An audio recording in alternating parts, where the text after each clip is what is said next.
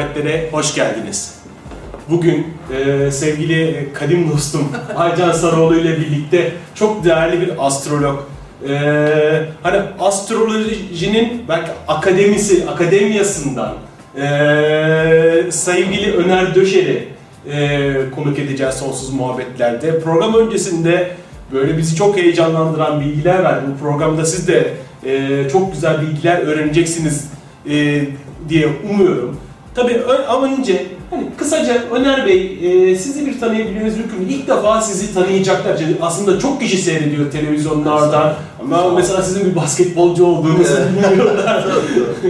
Ee, ya şöyle söyleyeyim ben e, tabii lise çağlarından beri herkes gibi astrolojiye ilgi duydum.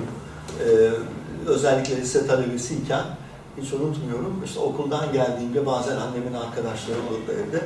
Onlar öner illa bize astroloji anlat derlerdi. Kendi burçlarını söylerlerdi. Ben de burçları bazında. Hatta hani sinastriye o zaman ilgimiz varmış. İşte yayla kova anlaşır mı? Efendim balıkla ikizler ne yapar falan diye. Böyle hep sorarlardı. Ben de o zamanlar çok e, kitaplar okudum ama daha belki hani basit, e, daha basic kitaplar diyelim okudum. İlk Ondan- kaç yaşında okumaya Ee, başladın? ya herhalde tam hatırlamıyorum aslında. 16-17 yaşlarından itibaren e, diyelim böyle ilgi duymaya Gökyüzü başladım. çağırdı yani sizi. Doğrudur. E, ama tabii astronomiye çok ilgim var çocukluğumdan beri. Hep işte uzay bilimlerine çok ilgim var vesaire. Lise çağları böyleydi ama hani böyle işte evdir, gezegendir, gezegenlerin açıları da falan bunları bilmiyorum.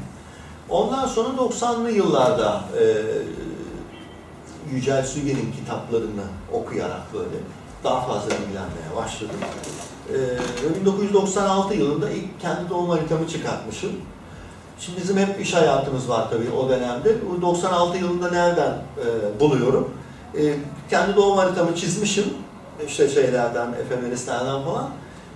Onun e, hemen arkasına meğer bir para makbuzunun arkasına yazmışım. Para makbuzun üzerinde tarih var. Oradan buldum. Yoksa hatırlamıyorum yani. E, ve 90'lı yılların sonunda ilk kez rahmetli Hülya Koçak'a danışmanlığa gittim.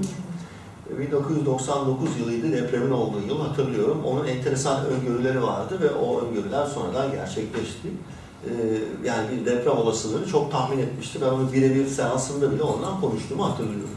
Çok da dobra dobra böyle e, iyi bir insandı. Çok sevdiğim bir insandı. İkinci kez ona danışmanlığa 2001 yılında gittim.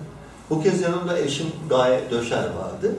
Gaye böyle atılgandır, yükselen aslan, güneşi koç burcunda falan. Danışmanlığın içerisinde e, işte şey dedi, Öner astrolog olmak istiyor. İşte ben bilmiyorum böyle bir şey, o nereden biliyor. E, Gaye havlu etmiş sizi. Evet yani tam bir koç olarak ben Gaye kızarak baktım. Ya, ne diyorsun sen dedim hani böyle bir şey. Ben Gaye hiç laf etmemişim. Yani ilk 99 yılında gittiğimde Hülya Hanım bana e, haritam hakkında bir şeyler anlatırken ben daha çok olayın kendisine çok aşık olduğum ve olayın kendisini dinlediğim için hani işin bana ne olacak kısmına falan çok fazla ilgilenmedim. Daha ziyade bu nasıl bir şey ya ne güzel bir şey demeye iyice başladım. Ve astrolojinin sadece burçlarla ilgili olmadığını işte daha fazla şeyler içinde olduğunu daha da yakinen orada görmeye başlamış oldum. Ee, 2001 yılında böyle gittiğimizde e, işte bu hadiselerde geçince Hülya Hanım da yani ne kadar olgun bir insanmış Allah rahmet eylesin. O da dedi ki ya dedi neden olmasın dedi kızıyorsunuz ama dedi e, doğum haritanız çok müsait yapabilirsiniz siz bunu dedi. Biz de bir değerli bir meslektaş kazanmış oluruz dedi. Benim için çok güzel bir e, şeydi ve günümüz astroloji öğrencilerine ve genç astrologlarına da örnek olacak bir davranış diye düşünüyorum. Çünkü hani genellikle ya dur bakalım falan derler insana. Hayır öyle demedi. Tam tersi beni teşvik eden de bir konuşma yaptı. Ve o zaman dedi ki e, bizim dedi Hakan Kırkoğlu var dedi. O böyle dersler veriyor dedi. Sizi ben Hakan'a yönlendireyim dedi. Ben ders vermiyorum çünkü dedi. Hakikaten öğrenmek isterseniz falan. Baktım e, kafama yattı niye olmasın diye. E, her ikisi de Hülya Hanım da öyle ateş elementi işte aslan gaye e, koç aslan falan. Ben garibim haritamda hiç ateş elementinde bir şey yok. İkisinin gazıyla beraber e, ben tamam dedim ya ben bu işi madem öyle öğreneyim niye olmasın falan. Hakikaten orada gelişti. Sonra e, işte Hakan Kırkoğlu'nu aradım. O, onun derslerine başladım. 2002 yılının Şubat ayıydı. Bir yeni ay var gökyüzünde. Tabii o, o zaman biz böyle gökyüzünde yeni ay var bir şeye başlıyoruz diye o kadar bile bilmiyorum. E, fakat daha sonra dönüp baktığımda evet olması gereken zamanda başlamışız. Çok da isabetli olmuş, çok değerli bilgiler aldık. E, ve doğru bir adreste başlamanın da halen e, o altyapısını ben getiriyorum. Benim hayatımda hep böyle güzel, iyi başlangıçlar oldu. Şanslıyım bu bakımdan. Basketbola ilk defa Eczacıbaşı'nda başladım. Dolayısıyla çok iyi bir altyapım oldu. Ee, okul hayatımda öyle. Işık sesinde okudum. Çok iyi bir altyapıyla ondan sonrasını da gösterdim. Ve astrolojide de e, Astroloji Birliği Derneği'nde Hakan Kırkoy ile başlamak yine çok iyi bir temel oldu. Babanız da Türk sinemasının değerli oyuncularından Evet. Önder Somer. Zaten Allah rahmet eylesin. Ben de onu tam onu söyleyecektim. Aa Harika. evet telepati oldu. belirttiniz. Çok teşekkür ederim. O zaten benim e, yani şu gün sizlere bu hitap etme tarzında dahi çok önemli payı olan zaten. Bu arada babam- Facebook'ta Önder Somer'in bir grubu var. Kötülük hiç bu kadar yakışıklı Aa, olmadı. doğru, çok, çok Gerçekten de doğru. Hem hem yüzü güzel hem ruhu güzel hem tavrı güzel bir insandı. Allah rahmet eylesin. Ondan çok şey edindim. Ee, hani bugün benim iyi bir hitabet yeteneğim olduğunu söylerler. Öner Bey de astrolojinin jönü. Estağfurullah. estağfurullah. Ee, ben yani hitap etme becerimi babamdan aldığımı düşünüyorum. Ee, tabii kendisi çok daha iyi bence hitabet yeteneği olan bir insandı. 7'den 70 herkesin sırtını sıvazlayan, çok sevecen, insanı seven, bilgi bir insan, herkesin derdine koşan bir insandı. Kapalı Çarşı'da 20 yılım geçti. Ee, 2003 yılına kadar da oradaydım. Ee, bu yüzden birinci öğretmenim babamdır. Hayat okulum e, Kapalı Çarşı'dır. Ee, sordukları zaman bazen Kapalı Çarşı Üniversitesi'nde okudum diyorum. Mezun oldum demiyorum çünkü oradan mezun olunmaz. Ee, gerçekten e, orada çok daha benden uzun zaman harcayan insanlar var. Ee, insanı çok bilgeleştiren bir yer orası. Ama bir inanışa göre biliyorsun Kapalı Çarşı'nın Bedesten bölümü galiba paralel evrenlere açılan yerlerden biri. Yüksek Enteresan. enerji merkezi. Orası da boş Doğrudur. bir yer değil yani. Doğru, kesinlikle, kesinlikle. Çok Yani özel bir- orada, Çok büyük bir kültür ya var tabii orada. Gerçekten. Hazine yani. Ve orada biz en çok neyi öğrendik diye dönüp baktığım zaman hani astroloji yapıyorum bir taraftan insanı okumayı aslında orada öğrenmeye başlamışız. Ee, hani insan sarrafı derler eskiler. Kapalı çarşıda uzun zaman kalmış kişi gerçekten öyle oluyor. Ben kendim için böyle bir şey tabii iddia etmiyorum ama 20 yılımı orada geçti ve çok deneyim kazandım. Uzun yıllarını orada harcamış büyüklerimiz, abilerimiz çok bilgi insanlar. Ee, gerçekten de dünyanın neresine giderse gitsin bir kapalı çarşıda, gerçek bir kapalı çarşıda hem hayatını kazanır, hem sosyal çevre yapar, hem insanları çok iyi okuduğu için o avantajını her zaman kullanır. Dolayısıyla benim çok büyük bir avantajım oldu. Ya çok güzel anlattınız bu yolculuğu. Çok teşekkürler. Şimdi Öner Bey, sizin çok farklı bir tarzınız var. Yani ben şimdi hani dergide e, ilk olarak astroloji yazılarını tabii Aycan aracılığıyla e, sizin yazınızla, yazılarınızla daha doğrusu hani belli bir dönem ilk başlandığında sevgili Aylin Yabanoğlu arkadaşımız yazıyordu. Sonra uzunca bir sessizliğe bürünmüştük. Sonra sizin yazılarınızla başladık ve e, sonradan başka arkadaşlarımız eklendi ama sizin çok farklı bir tarzınız ve anladığım kadarıyla çok farklı bir tekniğiniz var. Yani Daha doğrusu e, güneş merkezli astroloji e, e, çalışması yapıyorsunuz ve hani böyle burçlara şunlar olacak, bunlar olacak falan değil diye siz sanki daha genel böyle kitlesel bir Evet. e, çalışma yapıyorsunuz. Güneş bazlı e, merkezli as- astrolojinin diğer bizim hani hep karşılaştığımız astrolojiden farkı nedir? Şimdi aslında en temel anlamda güneş merkezli astroloji sisteme güneşi merkeze koyarak bakıyor. Gezegenleri güneşin etrafında. Zaten de güneş merkezli aslında. Yer merkezli astroloji ise olaya dünyadan bakıyor. Ee, tabii aslında özellikle Kopernik güneş merkezli sistemin ilk ortaya konması Kopernik'le beraber ile e, bilim insanlarının artık e, önemli bir değişim ve sıçrama dönemine girdiğini biliyoruz. Fakat astrologlar yani yer merkezi haritalarla çalışmaya devam etmişler. Bilim insanları da halen yani, e, astrofizikçiler ve astronomlar da yer merkezli bakış denilen bir sistemin farkındadırlar. E, fakat derler ki hep yani Kopernik'ten sonra artık güneş merkezli ve bir sisteme güneş merkezli bakıyoruz. Siz astrologlar niye hala e, yer merkezli astroloji kullanıyorsunuz. Astrologlarının da e, batı astrologları diyeyim genel anlamda buna cevabı şudur. E biz dünya üzerinde yaşıyoruz. Evrene buradan bakıyoruz. Kendimizi merkeze koyduğumuz için dünya merkezli astroloji yapıyoruz. Yoksa tabii ki hani onların yaklaşımı şu, e, güneş dünyanın etrafında dönmüyor ki.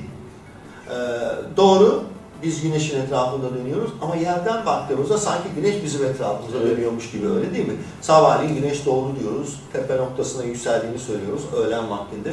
Akşam üzeri batış noktasına geliyor ve işte derken güneş ayak ucundan geçiyor diyoruz. Sanki böyle bir tur atıyormuş gibi. Gerçekte zaten olayın ne olduğunu biz de biliyoruz. Yani biz güneş etrafında dönüyoruz ve biz kendi eksenimiz etrafında dönüyoruz. İki tane hareketimiz var. Ee, dolayısıyla aslında astrolog ve astronom e, her koşulda e, kendi bakış sistemlerini biraz farklı geliştirmiş gözüküyorlar. Aslında kadim astrologlardan gelen bilgilerle astrologların devam ettiğini, bir yerde astronomlarla özellikle Kopernik'in e, sisteminin artık oturtmasıyla beraber yol ayrımına geldiklerini e, görüyoruz. Ama burada tabii belirlenmesi gereken bir başka şey var.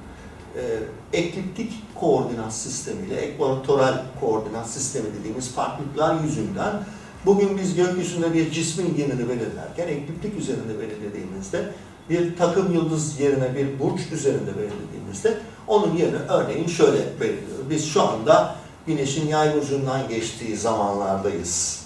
Ama e, bir astronom buna diyor ki Güneş yay burcundan geçmiyor. İşte efendim akrep takım yıldızından geçiyor. Niye siz böyle diyorsunuz? Çünkü daha geride alıyor. Takım yıldızlara göre değerlendirilir. Ve buradan da 13. E, burç vesaire gibi kavramlar çıkıyor. Bu arada hemen e, izleyicilerimizin de bilgi olsun.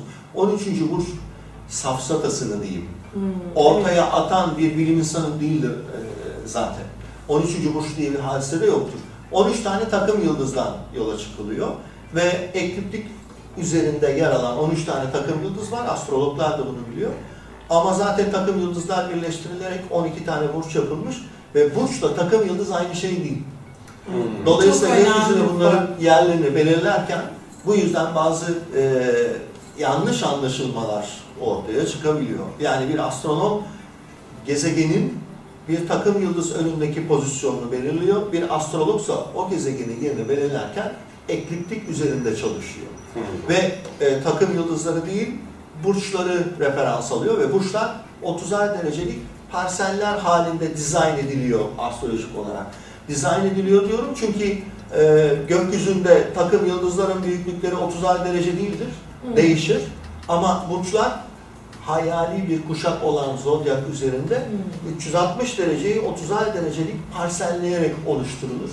Buradaki ana amaç gezegenlerin birbirlerine göre geometrik uzaklıklarını belirlemektir aslında.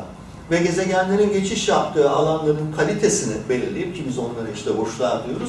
E, bu gezegenlerin bu burçlarda ne türde sonuçlar ortaya çıkartacağını, hangi kaliteleri ortaya çıkartacağını belirleyerek çalışır. Bu sistemin içerisinde güneş merkezli astroloji dediğimiz şey e, aslında Amerikalı astrolog Robert Hand'in de çok salık verdiği dünyevi olayları tahmin etmek için kişisel bazıdan ziyade daha kolektif bazlı bir astroloji türü olarak e, tanınıyor, tanımlanıyor. Ülkemizde pek bilinmiyor. Aslında ülkemizde pek çok şey astroloji anlamında eksik biliniyor değil. E, çünkü belli şeyler üzerine gidiliyor. Yani burç astrolojisi gelişiyor çünkü ona ilgi var. Bu alanlar fazla gelişemiyor çünkü ona ilgi yok. E, ve bu astroloji türünde evler, ve burçlar pek fazla kullanılmıyor. Daha ziyade gezegenlerin güneşe göre dizilimleri ve birbirlerine yaptıkları açılar, yani açılar esas ee, ve dünya olayları arasındaki paralellikler anlaşılmaya çalışılıyor. Doğal afetler olabilir, politik iniş çıkışlar olabilir, e, ekonomik hareketler olabilir. Bütün ekonomik, sosyal, kültürel hareketler, devrimler, isyanlar, efendim özgürlük ilanları, kopmalar, bütün bunların hepsinin tahmininde güneş merkezli astroloji kullanılıyor. Yer merkezli astroloji de zaten kullanılıyor. Ama güneş merkezli astroloji burada çok güzel bir perspektif. Peki mesela yer merkezli diyelim dünya olayları üzerinden yer merkezliye bakıp Hı bir yorum yap, yap mutlaka ona da bakıyorsunuzdur. Sonra güneş merkezliye. Evet, çok da güzel besliyor. İkisini birbirini besliyor mu yoksa bazen karşıt mı oluyor? E, ikisinin ortalamasını mı bir tahmin yaparken nasıl bir şey? Şimdi aslına bakarsanız e, dünya yani yer merkezi e, astroloji tarzında biz burçların anlamlarını ve aynı zamanda e, psikolojik anlamlarını da kullandığımız için tabii ki çok daha dünyasal anlamda günlük hayatımız içerisinde yer tutan parasal konular, bireysel bazda baktığımızda aşk, ilişkilerle ilgili konular, evlilik vesaire gibi konular hakkında tabii ki çok daha detaylı yorumlar yapabiliyoruz. Güneş merkezli astroloji bireye yönelik bu tip dünyevi konularla çok uğraşmıyor. Uğraş. Daha kolektif yani biz mundane astroloji diyoruz. Ekonomik krizi güneş merkezli. Ee, yer merkezli astrolojiyle de tabii ki tahmin ederiz. Zaten Evet. yıllardır bu yapılan bir şey. Ama güneş merkezli astrolojiyle de şimdi şu, şunlar değişiyor. Öncelikle onu söyleyelim. Bir güneş merkezli astroloji haritasında e, güneşin kendisi yer almaz çünkü güneşten bakarız sisteme. Dünya yer alır. Hmm. Ama bizim kullandığımız yer merkezli astroloji haritalarında dünyanın sembolü yoktur. Yok. Güneşin sembolü vardır. Ee, açısal olarak değerlendirdiğimizde ağır hareket eden gezegenler Uranüs, Neptün, Plüto gibi hatta Jüpiter, Satürn gibi bunların Güneşle olan konumları yerden baktığımızda çok büyük değişmiyor. Hmm. Ama hızlı hareket eden gezegenler olan Merkür olsun, e, Venüs olsun, e, Dünya olsun. Bunların hareketleri tabii e, Dünya derken Dünya değişmez çünkü Güneşin tam karşısında olduğu için öyle ama mesela yer merkezli astrolojide şöyle bir kural vardır. Merkür ve Venüs Güneşten belli dereceden fazla uzaklaşamaz. Merkür 28 dereceden fazla bir burç yapabilir en fazla uzaklığını. Venüs de 48 derece. İki burç. Evet iki burç ya da bir buçuk burç. Hmm. Ee, buna mukabil Güneş merkezli astrolojide Merkür ve Venüs Güneş'in dünyanın tam karşısına da gelebilir. Hmm. Aslında bu bize şunu anlatıyor. Biz dünyadan baktığımızda belli sınırlamalar içerisindeyiz ama Güneş merkezli Hmm. baktığımızda sınırlamalar kayboluyor. Hmm. Her bakış açısına ulaşmış oluyoruz. Dolayısıyla ben güneş merkezli astrolojiye aynı zamanda, şimdi onu biraz daha bireysel baza indirmek için çalışıyorum. Güneş soul'dur biliyorsunuz ve İngilizce soul yani ruh anlamına gelen kelimeyle çok örtüşür. Bu yüzden bazı yabancı astrologlar güneş merkezli astrolojiye ruh merkezli astroloji diyorlar. Hmm. Ve bizim dünyevi koşullarımız olmadan ki halimizi, daha ruhsal amaçlarımızı anlattığını söylüyorlar. Şu anda ben en çok bunun üzerine çalışıyorum. Hmm. 2010 yılın, 2011 yılındaydı yanlış hatırlamıyorsam ilk bu konuyla ilgili seminerimi verdim. Ee, Tahsin'de. Hatta Doktor Benjamin Dykes gelmişti onunla beraber. O farklı bir şey, ben farklı bir şey anlattım. Ve orada dünya astrolojisi olarak da tabii anlattım. Bireysel baza da indirdim. Ama daha sonraki çalışmalarım hep dünya astrolojisi olarak devam etti. Niye? Ee, Yani şey aslında biz, biz bizi evrende bir zaman yolcusu olarak düşündüğümüzde evet.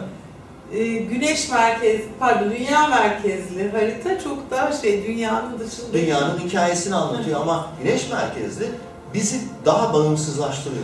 Daha Sınırlamaları ortadan kaldırıyor. Sınır- Çünkü açılar olarak her açı gerçekleşebiliyor. Yani şöyle düşünün, Dünya ile Venüs tam karşıt açıya geliyorlar orada haritalarda baktığımızda hani veya işte Güneş de diyelim dizilim olarak baktığımızda hani bu e, aslında normal şartlarda yer merkezi baktığımızda Potansiyelimiz mi anlatıyor acaba? Ulaşabileceğimiz maksimum potansiyeli mi anlatıyor? Doğru, Maksimum kitabında ben biraz onu anlatmaya çalıştım. E, bu fikir bana nereden geldi, kafama oturdu. John Nelson diye bir radyo teknisyeni, bu daha sonra yazdığı Kozmik Patterns. Kalıplar, evet. Kozmik Kalıplar adlı kitabı. John Nelson. John Nelson bir radyo teknisyeni. Ve 1940'lı yıllarda e, Amerika'daki RCA yayınlarından e, bir şikayet alıyor. Diyorlar ki bizim kısa dalga yayınlarımız çeşitli zamanlarda parasitleniyor ve bozulmalar oluşuyor. Bunun sebeplerini araştırmak için destek istiyorlar. Mühendis olan e, John Nelson, radyo teknisyeni aynı zamanda. Bu konu üzerine eğiliyor, çalışıyor ve şuna ulaşıyor. Güneşe göre çeşitli gezegenlerin 90-180 derecelik açılarda olması ve kavuşumda olması radyo parazitlerine yol açıyor. Hmm. Buna mukabil güneşi merkez alarak gezegenlerin 120 ve 60 derecelik açılarındaysa güzel bir radyo havası oluşuyor. Hiç böyle sorunlarla karşılaşılmıyor. Tabii böyle bir şeyle ortaya çıkınca astrologlar bir anda bu duruma hemen sahip çıkıyorlar. Çünkü astroloji yıllardır şunu anlatıyor, 100 yıllardır. 60 ve 120 derecelik açılar uyumlu açılardır ve sorunsuzluğu ifade eder astrolojide. 90 ve 180 derecelik açılarsa e, sorunları ve takılmaları, zorlanmaları ifade eder.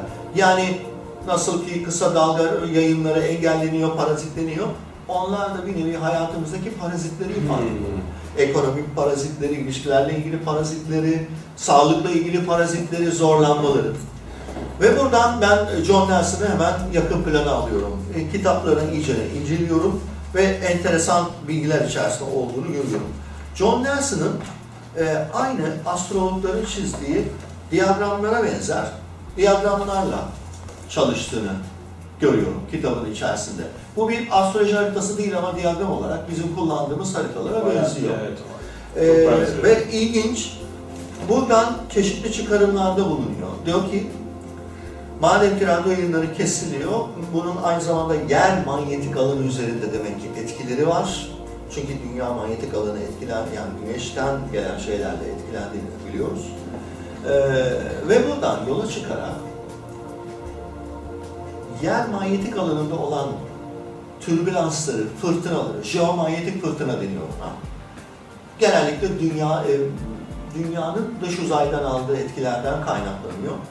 Güneşten kaynaklandığı biliniyor ama John Nelson aynı zamanda gezegenlerin çeşitli dizilimlerinden de kaynaklandığını Birbirine olan söylüyor. etkilerinden. Evet. Yani sadece güneşten dolayı değil aynı zamanda gezegenlerin pozisyonlarından dolayı. astrolojinin bilimsel ispatlarından biri öyle. zaten. Hemen burada Scientific Basis of Astrology kitabında hatta sizin elinizde var. Scientific Proof of Astrology kitabı ikinci baskısı. Ee, burada Dr. Percy Seymour fizikçi, astrofizikçi devreye giriyor. Astrolojinin bilimsel ispatı demek İngilizce bilmeyenler için. Evet bu da O da Yine astrolojinin astrolojinin bilimsel, bilimsel te- temelleri. temelleri. e. Percy Seymour 90'lı yıllarda yanlış hatırlamıyorsam 98 olabilir. Tarihi tam hatırlayamıyorum. Bu kitabı çıkarttıktan sonra meslektaşlarından eleştiri alıyor. Ve diyor ki evet diyor bizim meslekte olur. Hani herkes birbirinin teorisini kabul etmek zorunda değildir. Ama diyor bu kadar büyük eleştiri alacağımı hiç zannetmiyordum. Meğer ne çok astroloji düşmanı varmış diyor. Ve ondan sonra kitabın ikinci baskısını bu kez astrolojinin bilimsel ispatı ismiyle çıkartıyor. İçeriği aynı. Aynen. Hmm. Fakat ismini e, bu kez çok daha baskın bir isim koyuyor. Yani burada temelleriyken o da bir anda ispatı haline çıkıyor. Gezegenlerin birbiriyle yaptığı etkileşimler dünyadaki Aynen. jeomanyetik alanı Etkiliyor. Bizim de Etkiliyor. manyetik alanlarımız var. Eşittir biz etkileniyoruz. Bu arada John Nelson'ın yaptığı jeomanyetik fırtına tahminlerindeki başarı oranı yüzde 85. Hmm. bu bilim insanlarının jeomanyetik fırtına tahminlerinin hele 1940'lı yıllarda, 50'li yıllarda çok üzerinde. Ve John Nelson'ın bu yöntemini kullanıp daha sonraki bazı bilim insanları e, ve daha sonra astrologlar çeşitli ekonomik hareketleri tahmin etmeye çalışıyor. Şimdi az önce gösterdiğiniz kitabın bir saniye kapağını alabilir Tabii buyurun. Şimdi orada bir şey dikkatimi çekti.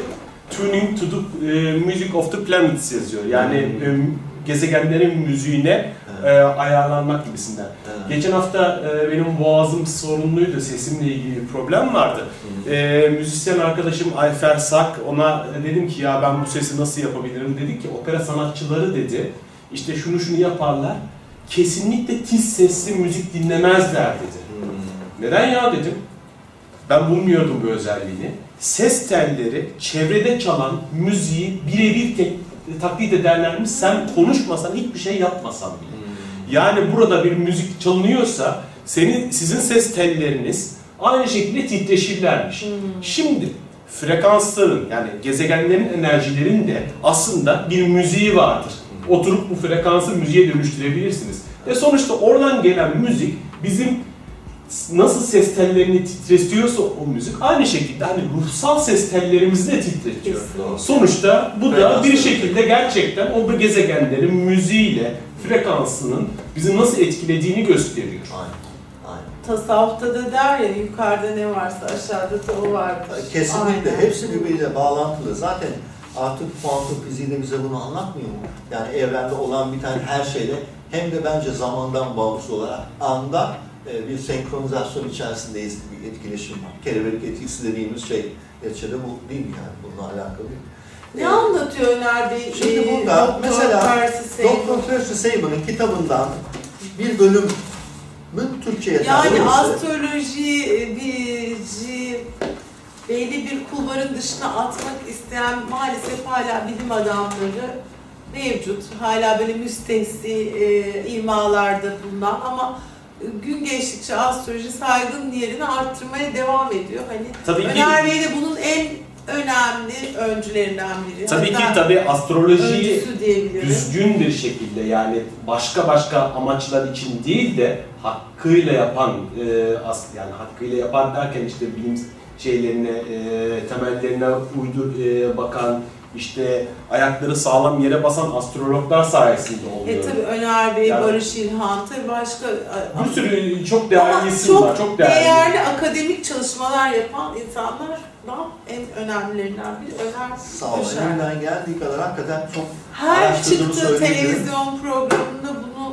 dile getiriyor. Yani e, Ve çok yani son yani- yıllarda şey çok güzel oluyor. Yani hani ben bu kadar bilmiyordum ama hani Derki'de eee astroloji bölümü olsun hep istiyordum ama o hani bir ona dönem kim olur kim olur falan derken ardı ardına böyle özellikle Hacı'nın sayesinde birçok değerli isim ardı ardına geldi.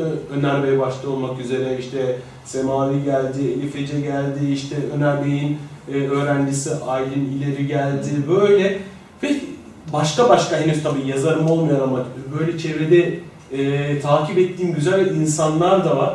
E, güzel astrologlar da oldu. Yani bu astroloji konusunda sadece ayağı yere sağlam basıp da çok güzel bilgiler verip bize yönlendiren çok değerli astrologlar çıktı. Bu beni çok sevindiriyor.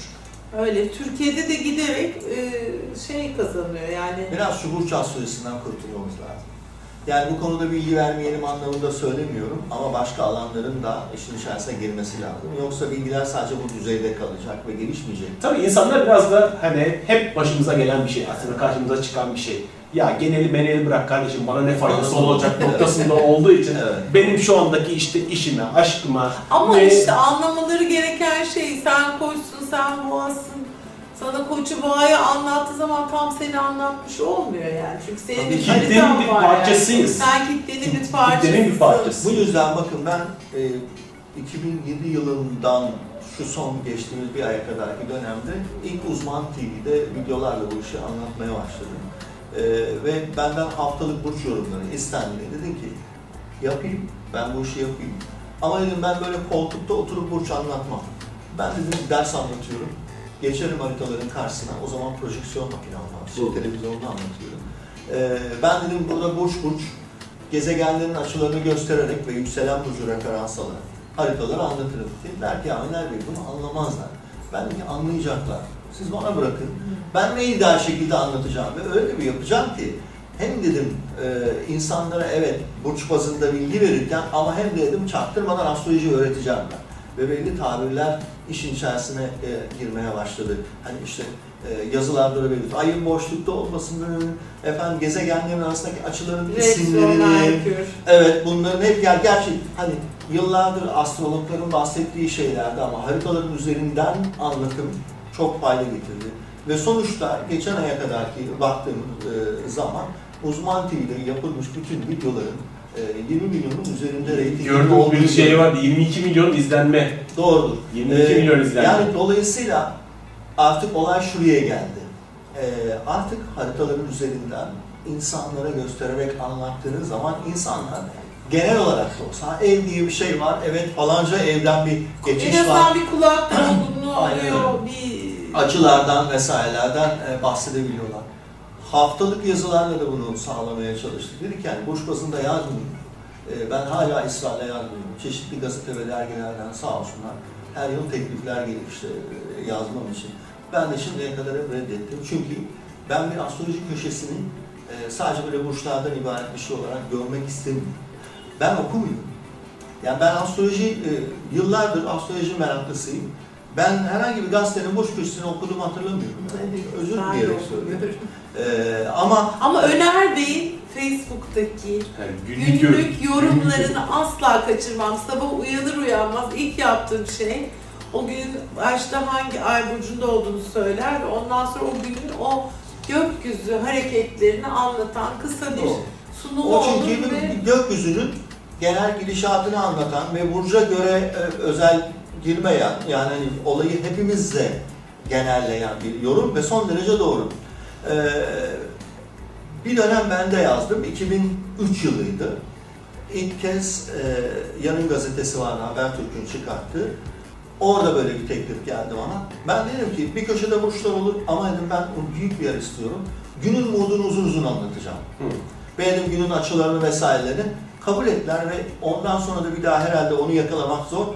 Bana bir sayfanın yarısını, alt yarısını komple ayırıyorlardı. Yani yarım gazete sayfasından bahsediyorum. çok önemli. Onun bir kısmına burçları böyle koyuyordum. Niye? Çünkü orada diğer yazıları okutmak için. Hı hı. 6 ay ben de yaptım. Bunu okutmak için onu yazdım oraya. Ee, sırf ki e, dediğim gibi bir şey otursun diye. Ve o oradan başladı. Bu bahsettiğim 2003 yılıydı. Yaklaşık 10 yıldır demek ki ben e, haftaya bakış başlığı altında, kendi web sitemde, astroloji okulunda vesaire e, haftanın günlere göre değerlendirmesini yapıyorum. Ve halen Facebook'ta olsun vesaire işte hocam te- terazilere ne olacak vesaire bunlara hiç girmemekten hepimizi genel anlamda ilgilendirecek şekilde cevap O çok yararlı oluyor. Diyelim ki Mars'la Uranüs arasında gergin bir açı olduğunu okuyorum. Biraz da bir ha zaten belirtiyor önemli. Kaza riskine dikkat. Hemen uyarıyorum. Anne çok acele etme bugün. Hani Evet. yavaş şey yap ya da Evet, kuzeyime diyorum. Yani Aynen. daha sakin, daha farkındalıkla şey yap. Hani Ee, ben de- Sinir, e, gaza gelme. Hani eee, ben de bir arkadaşımdan öğrendim. Sevgili Eldem'den öğrendiğim şey hep tekrardan astroloji, meteoroloji gibidir. Hani o gün yağmur yağabilir diye size söyler. O gün potansiyelleri söyler. Meteoroloji günlük hava raporunu verir. Öner Bey de bize günlük enerji raporu veriyor. Böyle potansiyeli veriyor. Ha, %100 olacak diye bir şey yok. Yağmur Tabii. yağmayabilir. Tabii. Ama aman dikkatli olun. Aman şemsiyenin yanına al. Aman öyle şey olabilir. Çok sinirlenme. Ya da bugün çok güzel Çok açılar güzel var. Git aşkını söyledi diyebilirsin yani. Tabii ki İlişkiler açısından iyi günler mesela. Nasıl kullanacağı onlara ait bir şey. Genel potansiyelleri bildikten sonra zaten hepimiz farklı, birbirimizden farklı mozaiklere sahibiz. Ee, o enerjiyi farklı farklı kullanıp yaratıcılık da böyle ortaya çıkıyor. Bir de şeyi çok seviyorum. Ee, sizin ee, hani anlatımınızdaki yumuşaklığı. Bazen bazı arkadaşlar çok felaket tellallığı şeklinde yapıyor ve çok insanları korkutabiliyorlar. Yani ben o, ee, o tarz yazılarla da karşılaşabiliyorum ama kendi şahsi görüşüm ben çok rahatsız oluyorum. Ben Hani oluyorum. orada bir açı var. Tamam orada bir açı var ve bunun potansiyellerini tüm astrologlar biliyor. Fakat bunu eline eee, hani insanları ürkütecek ve onları ürkütüp de olmayabilecek bir realiteye yönlenmiyor. Çünkü insanın gücü çok güç, güç- yüksek bir eee, Bir yaratıcı şeyi negatifi bu kadar Ne- köpürtmenin negatifi anlamı bir kadar şey var. üstüne gitmeden hani ay ben e, sizin yorumlarınızı daha yumuşak hani aynı şeyi söylüyorsunuz aslında. Diyorsunuz ki burada böyle bir potansiyel var ama söyleme Ama farkı çok farklı oluyor. Türbülans demekli işte aman kaçın Uranüs işte Mars'ta bilmem ne başınıza felaket yağacak falan gibi anlatım arasında çok fark var yani. Tabii ki herkesin sevdiği bir tarz vardır. Benim tarzım yani Benim benim de sevdiğim tarzım. iki mesleğim sizinki olur ama o tarzı da sevenler vardır. Onlara da saygı duyuyoruz. Tabii. Eyvallah. Onlara da Saygı duyuyoruz. Hani ben, Eyvallah. ben de sevmiyorum. benim ben beni bunu daha çok seviyorum. O yüzden de etkiliyor. hani sizin tarzınız için teşekkür ediyorum. Aa, sağ olun. Çok Burada önünüzde çok güzel bir metin Evet, var. şimdi burada şöyle bir şey var. Ee, Doktor Percy Seymour'un kitabından e, bir bölüm e, şunu anlatıyor kabaca. Güneş üzerindeki oluşan manyetik bozulmalar, biz onun yerden baktığımızda güneş lekeleri şeklinde görüyoruz. Ee, güneş lekeleri dediğimiz şeyler de yerden her ne kadar böyle leke kadar Güneşin de- enerji alanındaki e, bozulmalar. Bozulmalar. güneşteki manyetik bozulmaların yüzeye yansıması. Evet. Yani güneşin kendi içinden e, gelen bozulmaların veya bize göre gezegenlerin çeşitli açılarıyla oluşan manyetik bozulmaların yerden bakışta lekeler şeklinde gözükmesi ama bu lekelerin bazıları dünyanın 2-3 misli büyüklüğünde. Hani lekeyi biz yerden leke gibi görsek de e, aslında büyük gezegenler güneşteki manyetik alanı etkiliyor. Güneşteki manyetik alanı bozuyor. Hatta biraz daha ileriye gideyim. Daha ileriye gideyim derken şahsım adına konuşmayacağım. Verilen referanslara dayanarak Güneşin manyetik kutuplarının yer değiştirmesindeki bugünlerde beklenen bir şey. Güneşin manyetik kutupları yer değiştirecek biliyorsunuz. Ee, gezegenlerin etkisi olduğu Manyetik kutup yer değiştirmesinde onunla da ilgili bir şey yazmıştı. Sanki güneş Evet. ters dönecek gibi bir şey de anlaşılıyor. Aynen. Yani şimdi gazetelerde ve çeşitli medya organlarında bu böyle anlaşıldı. Çünkü hani çevirdiğiniz zaman işte reversal yani sanki böyle tepe taklak. E, manyetik kutup dediğimiz şey e, yaklaşık 11 yıllık döngülerle güneş manyetik kutupları zaten yer değiştiriyor. Güneşin kendisi ters dönmüyor. E, mesela dünya için de bu geçerli. Dünya manyetik kutuplarının yer değiştirmesi de oluyor ama çok uzun e, yüzyıllar e, arayla oluyor. E, bu da aynı şeyi anlatıyor. Dünyanın te- ters dönmesi değil, manyetik kutupların ters dönmesi, elektromanyetik kutupların ters dönmesi bambaşka bir olay. Peki dünyada olduğunda mesela bu şu anlama mı geliyor? Mesela biz pusulalarımız hep kuzeyi gösteriyor da artık hep güneyi mi gösteriyor anlamına gelir? Evet, yani o e, manyetik pusulaların Hı. e, gösterdiği yönlerin değişiyor olduğunu ifade ediyor. Mesela kuzey manyetik e, kutbunun diyelim e, eski bulunduğu yerden e, Alaska civarından yanlış hatırlamıyorsam çok daha Rusya tarafına kaydığı Hmm. söyleniyor şu anda. Hmm. Yani kutupların yer değiştirmesi halihazırda yaşanıyoruz. Şu anda zaten yaşıyoruz. Hı. Ee, şu anda beklenen aslında Ağustos ayından beri NASA'nın açıklaması birkaç ay içerisinde manyetik kutuplar, güneş manyetik kutupları yer değiştirecek. Bu arada güneşin iki manyetik kutbu eş zamanlı yer değiştirmek zorunda değil. Hı. Ee, şu anda kuzey manyetik kutbu yer değiştirmiş gözüküyor zaten. Güneş manyetik kutbunun yer değiştirmesi bekleniyor. Ağustos 2012'de diğeri yer değiştirdi. Ve bu yüzden güney manyetik kutbu şu anda çok yakın gözlem altında. Ha bu olursa ne olur? Bu zaten 11 yılda bir oluyor. Yani dünyanın sonu falan değil. Ee, ama ne oluyor? Güneşten çeşitli kütle atılımları, koronel kütle atılımları olabilir, güneşteki patlamalar olabilir. O dönemde biraz daha artabilir. Zaten bu 11 yıllık döngülerle güneş aktivitelerinin maksimum olduğu dönemlerde oluyor. Hı. Biz de şu anda maksimum kitabı oradan çıktı zaten.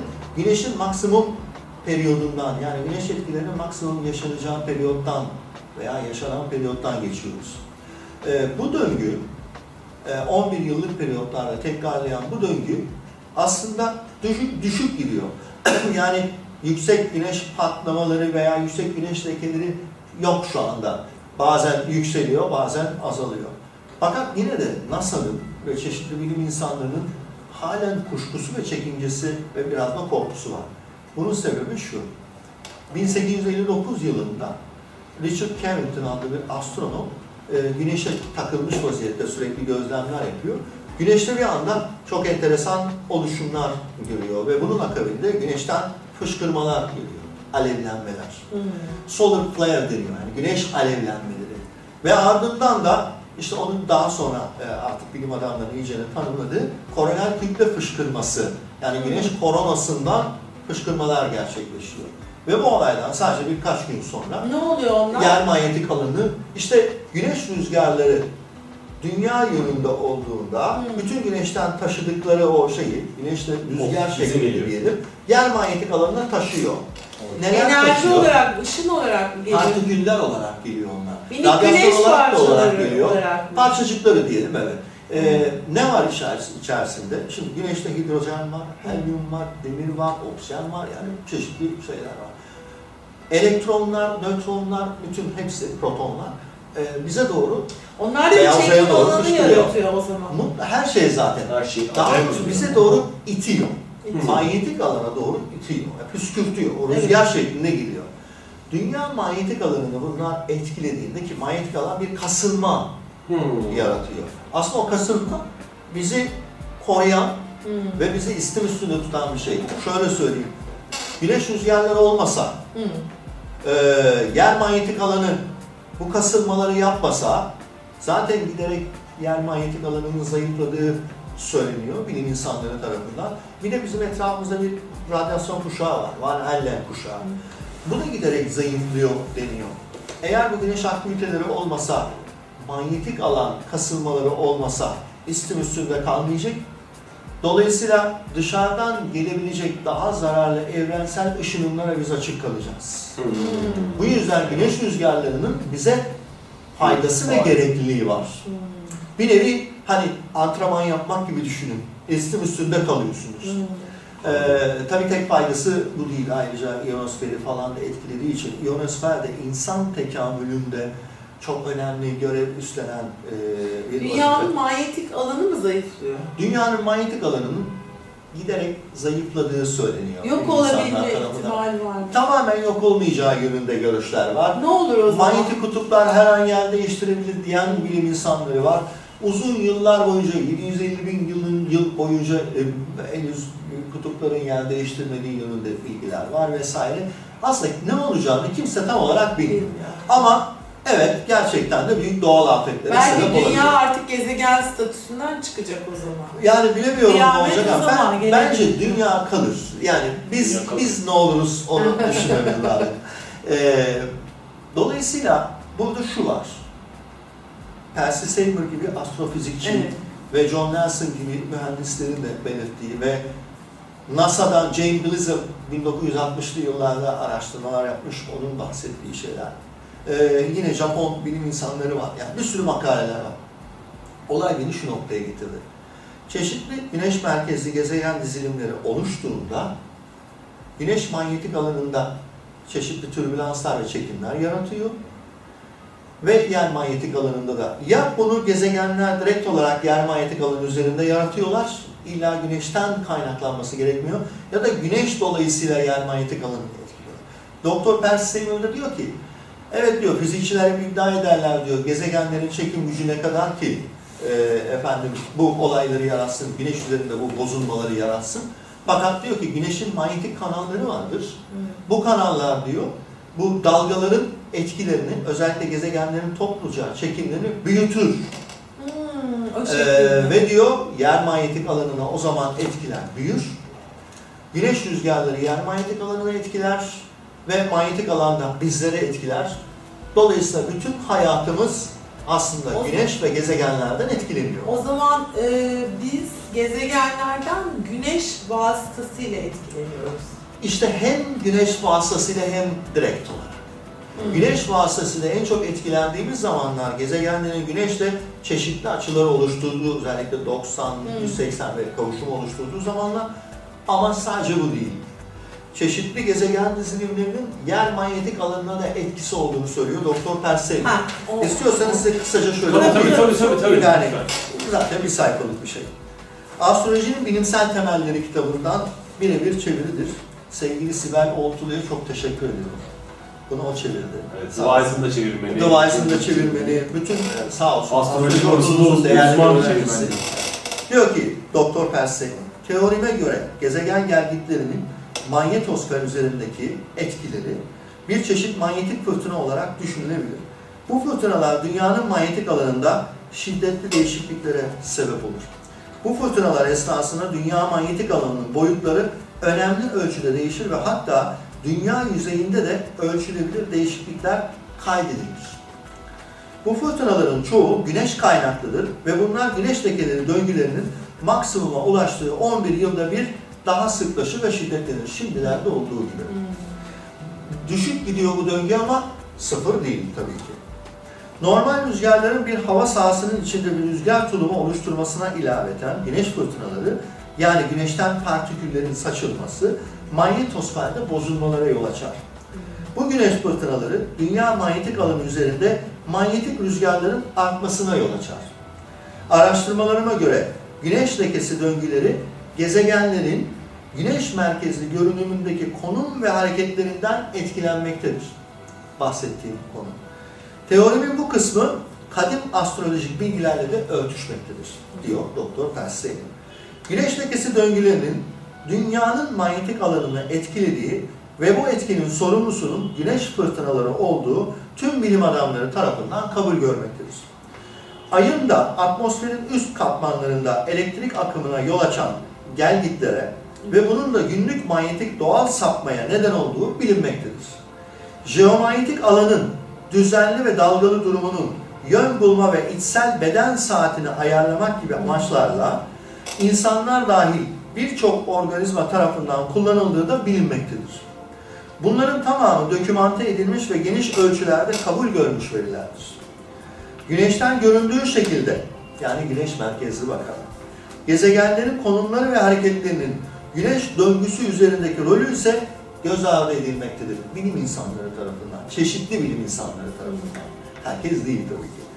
Ayrıca doğum anında gezegenlerin dünyadan görünen konumları, yer merkezli astroloji, insanın karakteri üzerindeki etkileri de yatsınamayacak kadar fazladır. Kesinlikle. Bunu diyen bir astrofizikçi.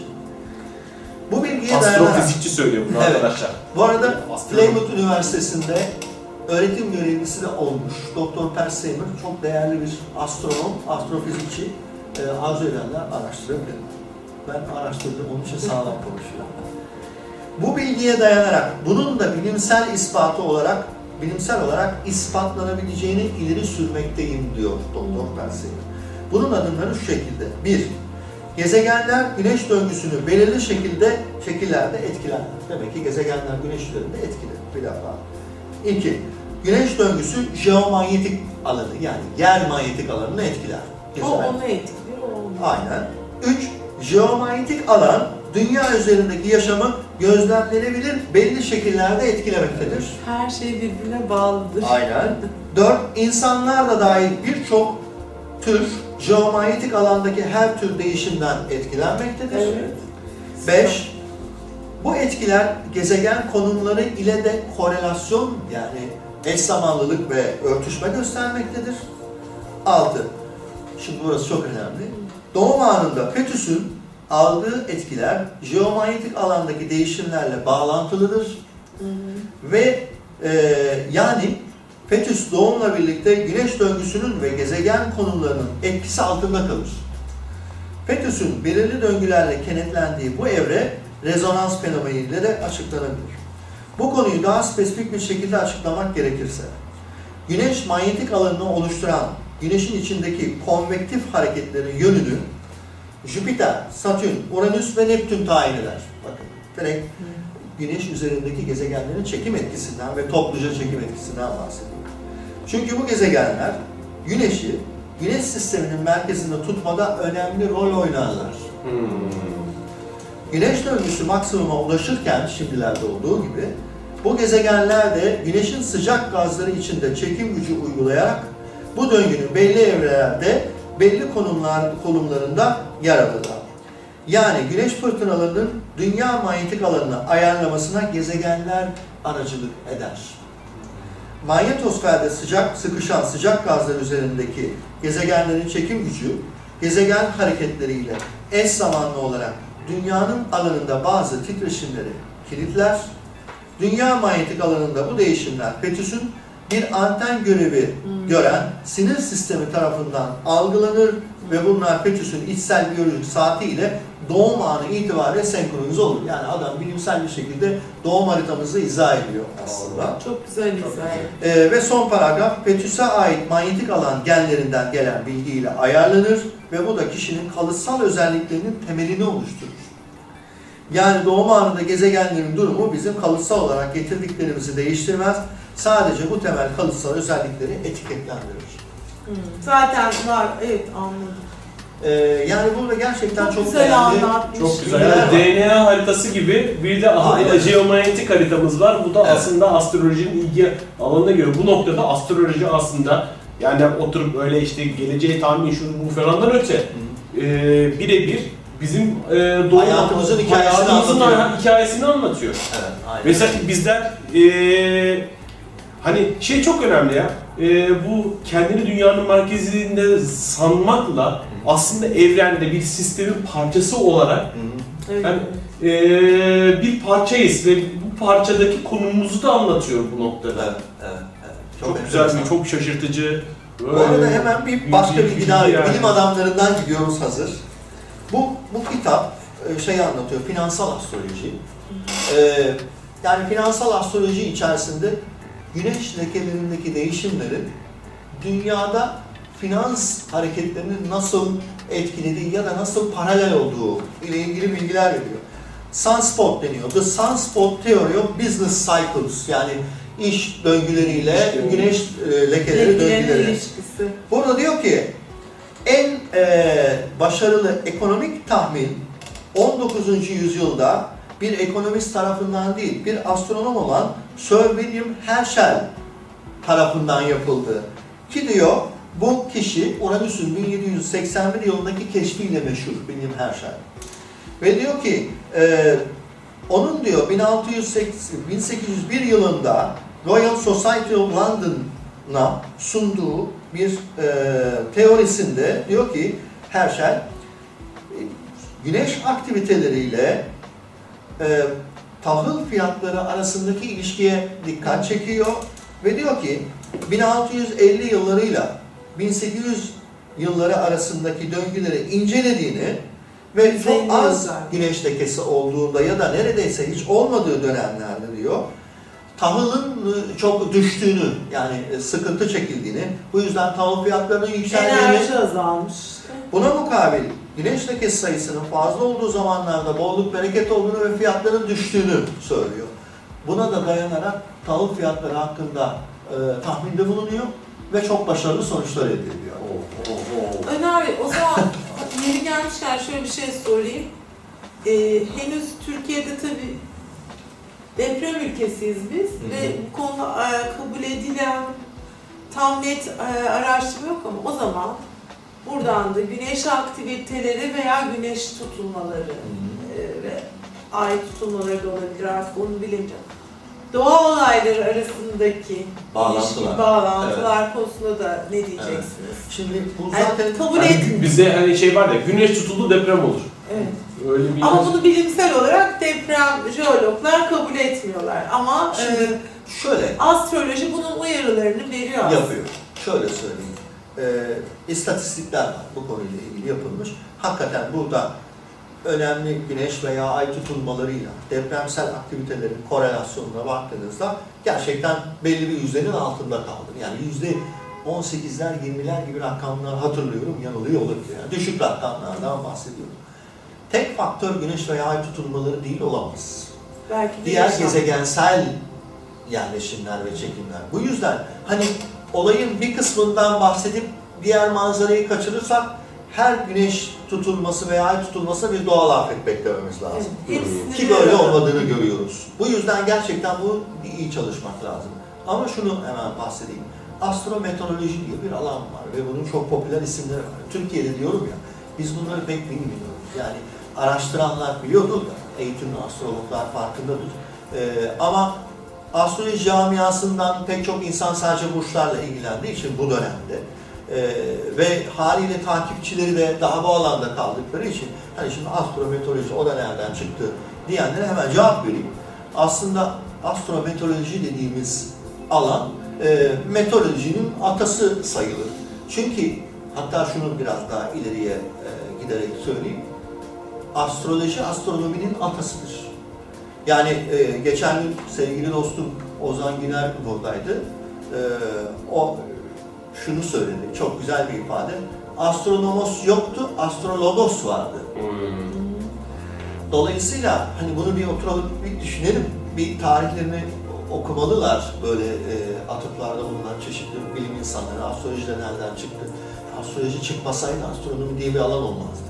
Evet. Yani dolayısıyla nereden çıktı? Hani astronominin nereden geldiğine bir dönüp bakmak lazım. Astroloji tarihinde çalışmak lazım. Astrologos. Astrologos yani gökyüzünün mantığı, yıldızların Mantığı. mantığı yani Söyleme. Lojik var işin içerisinde. Dili. Lojik olan bir şey. Aynen dili. dili. Sözü. Bilme gibi e, Evet. şey. Yani o evrenin dili ya da Evet. yıldız dili, yıldızların dili gibi. E, bu yüzden buna bir dönüp bakmak lazım. Ama şunu e, e, görüyorum yani biz burada dünya astrolojisi dersleri de sunuyoruz. Çok değerli arkadaşlarımla birlikte. E, Binnur Zaimler'in kulakları çınlasın, Doktor Senar Büyükçokur'un kulakları çınlasın. Onlar finansal ve medikal astroloji sunuyorlar. Ben de dünya astrolojisini daha politik e, ve özellikle de bu hava tahminleri, deprem tahminleri, bu tarz konular ve insan olayları üzerinden ele alıyorum. Burada şunu görüyoruz. Ayın güneşle yaptığı çeşitli fazlar, yeni ay, dolunay, ilk dördün, son dördün fazları hava koşullarıyla çok bağlantılı. Yani yağış olması, rüzgar olması veya tam tersi. E, deprem aktiviteleriyle ilgili konuşursak, yüzde olarak bahsediyorum astrolojik olarak baktığımızda, e, Dolunaylardan çok yeni aylarda deprem aktivitesinin denk geldiğini görüyoruz. Ama hemen buradan şu anlaşılmasın. Her yeni ayda deprem olur, her dolunayda böyle bir şey. Fakat oran olarak baktığımızda bu. Ve gezegenlerin çoğunluğunun zodyakın bir tarafında bulunması, burçlar bazında da biz onu bakabiliyoruz ya, bulunması da deprem aktivitelerinin çok arttığı zamanlarla örtüşüyor. Yani tek başına tutulmalar e, eksik kalır demek istiyorum. Bir sürü faktör var işin içerisinde. Mesela acaba şey, güneşin e, bu Uranüs, Plüto gibi ağır etkili gezegenlerle o negatif değil mi? Türbülanslı açıları da havayı bozuyor değil mi? Bozuyor. Mesela Şimdi Güneş Uranüs'le kare açı yaptı hava soğuyabilir mi? Uranüs, Uranüs Plüton kareleri şimşek yıldırımlarla, gürültülü hava koşullarıyla falan çok bağlantılıdır. E, astrometeorolojide bunlar kullanılır. E, mesela yine güneş merkezi diye bahsedeceğim ama güneşin merkezi alarak baktığımızda dünyanın Satürn'e dizilimlerinde havanın soğuduğunu görüyoruz. Evet, Ben geçenlerde bu soğuk- konuyla ilgili bir bilgi verdim. Ee, ve, ve akabinde de hakikaten havadaki soğumayı gördük. Hani bu benden kaynaklanan bir keramet falan da değil. Ben basitçe bir bilgiyi paylaştım ve sonucunu hep beraber gördük. Zaten her zaman söylüyorum. Biz gözlemciyiz. Yani biz, biz olayları görüyoruz. İlla olmadan evvel tahmin etmek zorunda değiliz. Olmuş bir olayı geri dönerek astrolojik olarak inceleyebiliriz. Yani biz kehanet peşinde koşmak zorunda değiliz anlamak için astroloji yapıyoruz. İdrak etmek için astroloji yapıyoruz. Böyle baktığımızda böyle bir alan, e, özellikle jeodetik haritalar olarak bizim tanımladığımız bilhassa depremleri tahmin etmeye yönelik teknikler var. Mesela bu son güneş tutulmasına binaen çıkarttığımız jeodetik haritalarla e, özellikle Doktor Sena Büyükçok'un beni uyardığı için söylüyorum. E, o ana ait astrolokalite dediğimiz yani bölgesel haritalarla e, astromapping dediğimiz haritalama yöntemleriyle baktığımızda Türkiye'nin özellikle Ankara'dan doğu tarafını e, Uranüs ve Plüton hatları oradan geçtiği için tutulma alanında e, bu yıl bu önümüzdeki birkaç ay içinde özellikle e, hatta içindeyiz doğal afetlere, depremsel aktivitelere açık olduğunu anlıyoruz risk olarak. Tam zaman belirleyememekle beraber. Jeodetik haritalarla çalışırken Japonya astroloji haritasının da bu dönemde aldığı etkilerden de yola çıkarak e, yine 3 Kasım'daki güneş tutulmasının jeodetik haritaları e, Japonya için çıkarttığımızda orada bu riskin çok büyük olduğunu anlıyoruz. Anlıyorum ben daha doğrusu tek bireysel söyleyeyim başkalarının işin içine dahil etmeden kendime e, işin içerisine koyarak e, söyleyeyim. E, ve önümüzdeki bir iki aylık sürece, yani içinde bulunduğumuz günler ve önümüzdeki bir iki aylık süreçte bu yüzden Japonya astroloji haritasını özel gözlem altına alıyoruz. Orada böyle bir risk olabilir mi diye. Yani böyle bir riskin olduğunu görüyoruz ama bunu kesin bilemeyiz ve Japonya'da deprem olacak diye de çıkmıyor ortaya ama bu risk var, bu olabilir, muhtemeldir diye de bir bilgi geçiyoruz. Tabii bu arada izleyicilerimiz bu kadar güzel e, konuşmalar ve bilgilerden sonra soru işaretleri gelmiştir aklına. Peki önümüzdeki günlerde neler bekliyor diye bir, bir bölüm daha yapacağız. Öner Bey'i bulmuşken şimdi bir ara vereceğiz. İkinci bölümde e, Astroloji Okulu'nun çok güzel kitapları var. Onları size e, tanıtacağız. Sonra da e, ikinci bölümümüzde Öner Bey'den e, 2014 yorumlarını e, alacağız. Şimdi bir ara veriyoruz. Çok teşekkürler dinlediğiniz için.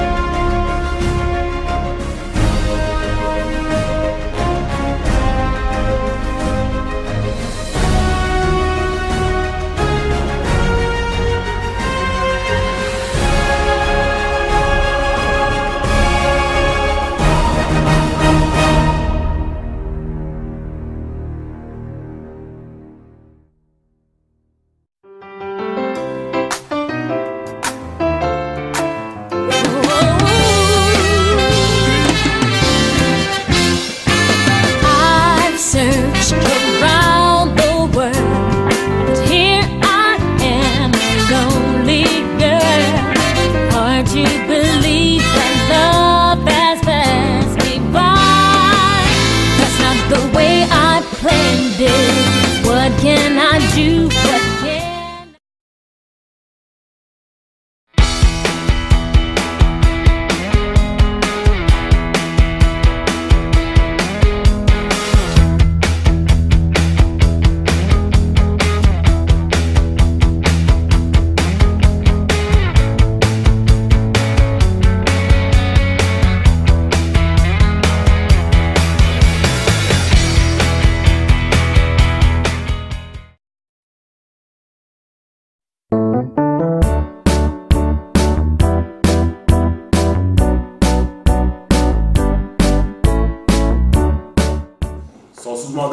ikinci bölümüne hoş geldiniz.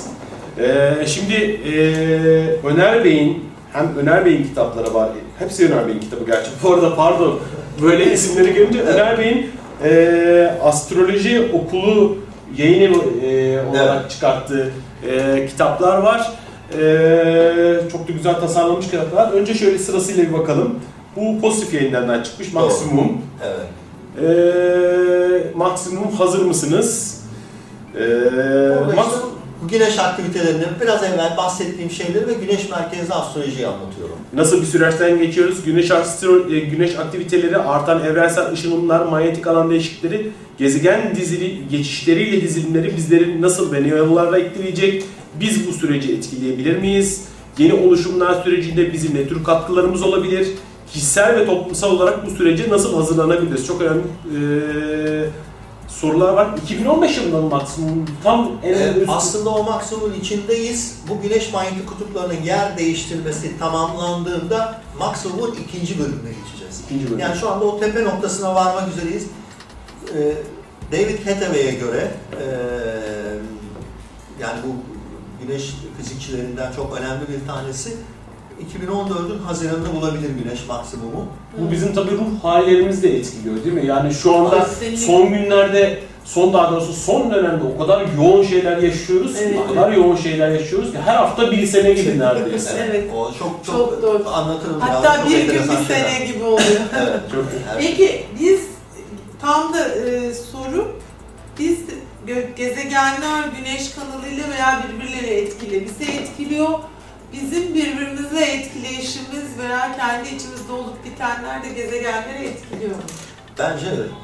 Bu konuyla ilgili ben Edgar Casey'i de okurum. Hep çok ilgilenirim onunla. Ee, bir psikik kain aslında e, bir astrolog falan da değil. Bu arada çok enteresan hayat hikayesinde şöyle bir şey var. Astrolojiye hiç inanmıyor. Çok koyu e, dindar e, ve reddediyor. Fakat e, biliyorsunuz uyuyan kain deniyor. Seanslardan bir tanesine astrolojiyle ilgili bilgiler vermesi istendiğinde çok enteresan. Özellikle bu güneş lekeleri e, ve gezegenlerle ilgili bilgiler veriyor. E, kendine gelip uyandığında e, Evet. diyorlar ki böyle böyle bilgiler ver. Olamaz diyor. Yani ben astrolojiye inanmıyorum. E, Ondan sonraki seansta da aynı şey olunca artık kendi ağzından çıktığına göre e, demek ki içeriden o bilgi geliyor. E, bu da çok enteresan. Onun e, şeyi şuydu. E, insanların kendi işlerindeki huzursuzlukların, birbirlerine karşı yaptıkları kötü davranışların güneşe lekeler olarak yansıdığını söylüyorlar. Wow. Çok enteresan. Yani güneşteki lekeler aslında insanoğlunun günahlarıyla paraleldir gibi bir şeyle ortaya çıkıyordu. İlginç. Tabii hani diyorum ya kitabı sadece okuyan birisi olarak bir bilgi iletiyorum. Bu bizim iddiamız falan değil olamaz zaten. Ee, fakat ve orada çeşitli bilim insanlara da bir serzeniş var. Diyor ki e, güneşin her şeyi etkilediğini e, görmektesiniz. Hani e, güneş diyor iyiye de kötüye de her gün doğar. Hmm. Ee, ve diyor hani iyi kötü ayırt etmeden e, peki diyor bunun diyor astrolojik etkilerini görmezden gelebilir miyiz? Ee, ve gerçekten de güneş lekeleriyle ilgili çok değerli, önemli bilgiler var orada. Bu beni çok düşündürdü ve kitapta biraz da bundan da bahsettim. Şöyle bir e, şeyden yola çıktım. Yine çok önemli bir bilim insanı olan, psikolog da olan e,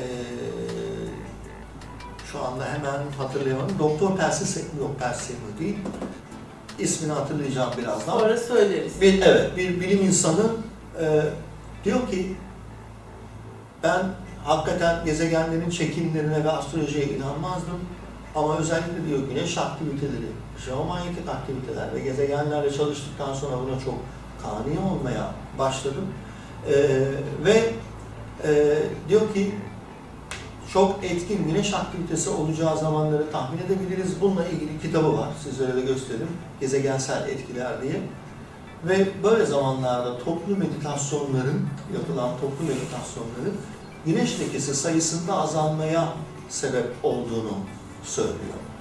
Ee, tabii bu çok ilginç bir e, yaklaşım ama denenmiş bir şey. Toplu duaların, toplu meditasyonların, toplu iyi niyetle yapılan düşüncelerin, insanların düşünce gücünün kolektif düşünce gücünün, tek bir kişinin yaptığı bir şey değil tabii ki. Ee, güneşteki aşırı agresyonu kaybetmediği ama azalttığını e, gördüğünü, tespit ettiğini söylüyor. E, gerçekten de ilginç bir Ee, şöyle bir şey diyebiliriz. Mesela Mars en e, şiddet gezegeni. Mars'tan bir, yani Mars'la bir açının bir şiddetli Marsiyen bir etki aldığımızı düşünelim aycar olarak ya da burada üç. Evet.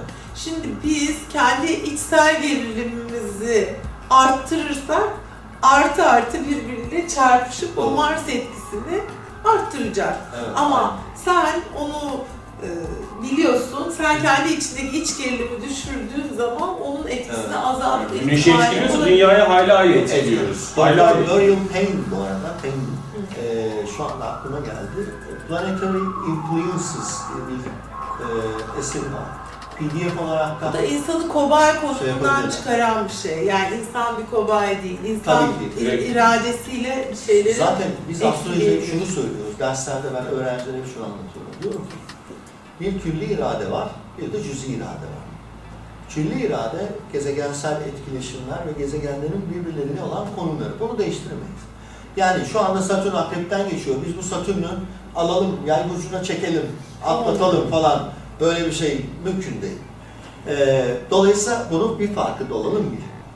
Ama bu külli iradeye verdiğimiz, cüzi irademize verdiğimiz tepkiler sonucu belirliyor. İşte o cüzi irademiz çok önemli. O bizim seçimlerimiz. Ee, ve e, Azizüddin Nesefi'nin çok güzel bir e, tasavvufta insan meselesi diye bir eserin içerisinde var. Ben çeşitli kitaplarımda veriyorum. Arzu edenler o pasajı Dönüşüm Zamanı ya da Büyük Uyanış kitabının içerisinde bulabilirler. İkisinde de var. Diyor ki e, Allah diyor her şeyin hakimi olarak külli iradeyi belirlemiş ve bunda değişmezlik var. Ama cüzi irade konusunda insanoğlunu özgür bırakmıştır. Dolayısıyla bizim gezegensel etkileri vereceğimiz tepkilerle sonuçlar belirleniyor. Ama burada hemen kendimizi çok yükselmeyelim, o zaman kibre kaçarız. Ee, hani böyle her şeyi değiştiririz gibi anlamayalım. Sistemin ana e, hatları değişmez. Olayların ana akışları anlamında ama bizim onun içerisindeki bazı nüansları ayarlayabilme ya da aslında en çok kendimizi ona göre ayarlayabilme şansımız var. Bu yüzden sizin dediğinize aynen katılıyorum ve cevabı bence evet. Sadece sistem bizi etkilemiyor, biz de sistemi etkiliyoruz. Bu bir karşılık etkilim. Zaten etkiye tepki meselesi var. Hiçbir şey tek yönlü olmaz.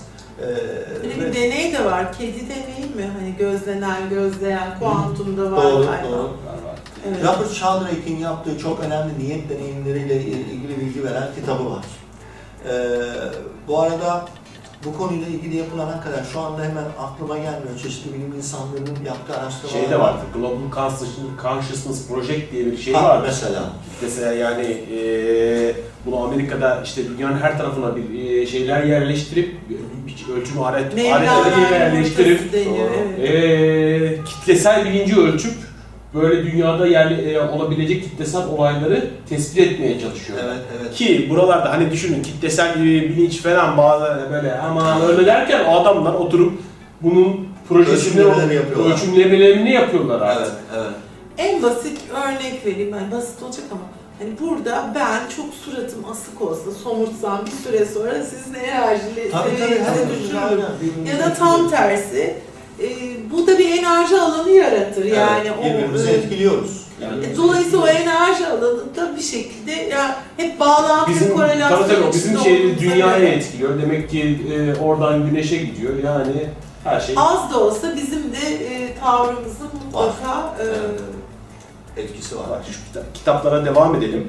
Burada Öner Bey'in İngilizce kitapları var. Yani maksimum İngilizceye çevrilmiş hali. Are You Ready e, yazmış. Translation. Evet. E, bunlar aynı zamanda Amazon'da da yer alıyor. Evet, sizin çok değerli katkılarınız var. Ben burada bütün izleyicilerin önünde de çok teşekkür etmek istiyorum. Ee, sağ olsun Hasan Sonsuz Çeliktaş bizim bu kitaplarımızın İngilizce yayınlanmasına çok önemli vesile oldu. Ba- tabii basılı da oldu. Yani hani e, yabancı arkadaşlarınız varsa basılı olarak da bu kitapları Tabii tabii. Mevcut Astroloji Okulu yayınlarından çıktı. çıktı. E, burada çok güzel tasarımlı yani kapakları çok güzel, içsel tasarımları çok Mustafa güzel. Konur'a çok teşekkür ediyoruz. Değerli editörümüz hem iç dizayn hem de Çok güzel tasarımlar. Kitap ayrıca katkıları da var. E, hani bilgi dolu, astrolojide temel kavramlar, astrolojide gösterge tespiti Evet. e, kitapları var. Daha başka kitaplar var onu bir sonraki bölüme sakladık. Hay hay. Ama astrolojiyle ilgili yani hani akademik düzeyde bilgileri bu zaten öyle popüler bir kitap değil yani bu Benim şöyle söyleyeyim, 14 tane kitabım oldu toplam. En son Barış Özkılıç'la beraber çıkan İlişkiler Astrolojisi kitabımızdan e, lan beraber işte İngilizcelerle dahil iki tane İngilizce toplam 14 kitap olmuş oldu. Zaten onun bir tanesi de Türkçeden çevrildi. Demek ki 13 tane Türk. Ben bazen sayısını unutuyorum. E, Ne güzel. Şöyle söyleyeyim. E, bunların içerisinde 4 tanesi burçlarla ilgiliydi. 2007'de Burcunuz ve siz 2008, 2009, 2010 4 tane seri. E, fakat ben bir yerden sonra artık burç kitaplarını yazan başka e, arkadaşlarımız da var. Artık bu alanda, bu kulvarda daha fazla vakit kaybetmeden e, gerçek astroloji öğrencisinin, okuyucusunun yani konunun kendisiyle ilgilenen Merak okuyucunun merakını gidermek üzere kitaplar yazmaya e, yola çıktım. İki yıldır da e, çok şükür astroloji okulu yayınlarımızdan toplam dört tane Türkçe, iki tane İngilizce kitap ikinci baskıya da gelmiş astroloji. Astrolojide temel kavramların ikinci baskısı geldi. İlişkiler astrolojisi çok enteresan. Çıktı bir hafta sonra ikinci baskısına girdik. o Yani onu da gelecek bir programa saklayalım. Evet saklıyorum. Bayağı bir Ee, bayağı e, güzel bir muhabbet oldu. Yani hani öyle güzel bilgiler verdiniz ki astrolojiye dair bu, bu program hani uzun yıllara hitap edecek bir e, program oldu. Dilinize sağlık. Çok teşekkürler. Aycan sana Bugün teşekkür ederim. Ay ikizlerde. evet bu arada e, hepimiz daha böyle konuşkan. Konuşkan. olsun olsun. Şimdi bir bölüm daha yapacağız. 2014'ü dinleyeceğiz Öner Bey'den. Çok teşekkür ederiz. Ee, biz dinlediğiniz için sonsuz muhabbetler bir sonraki bölümde devam edecek.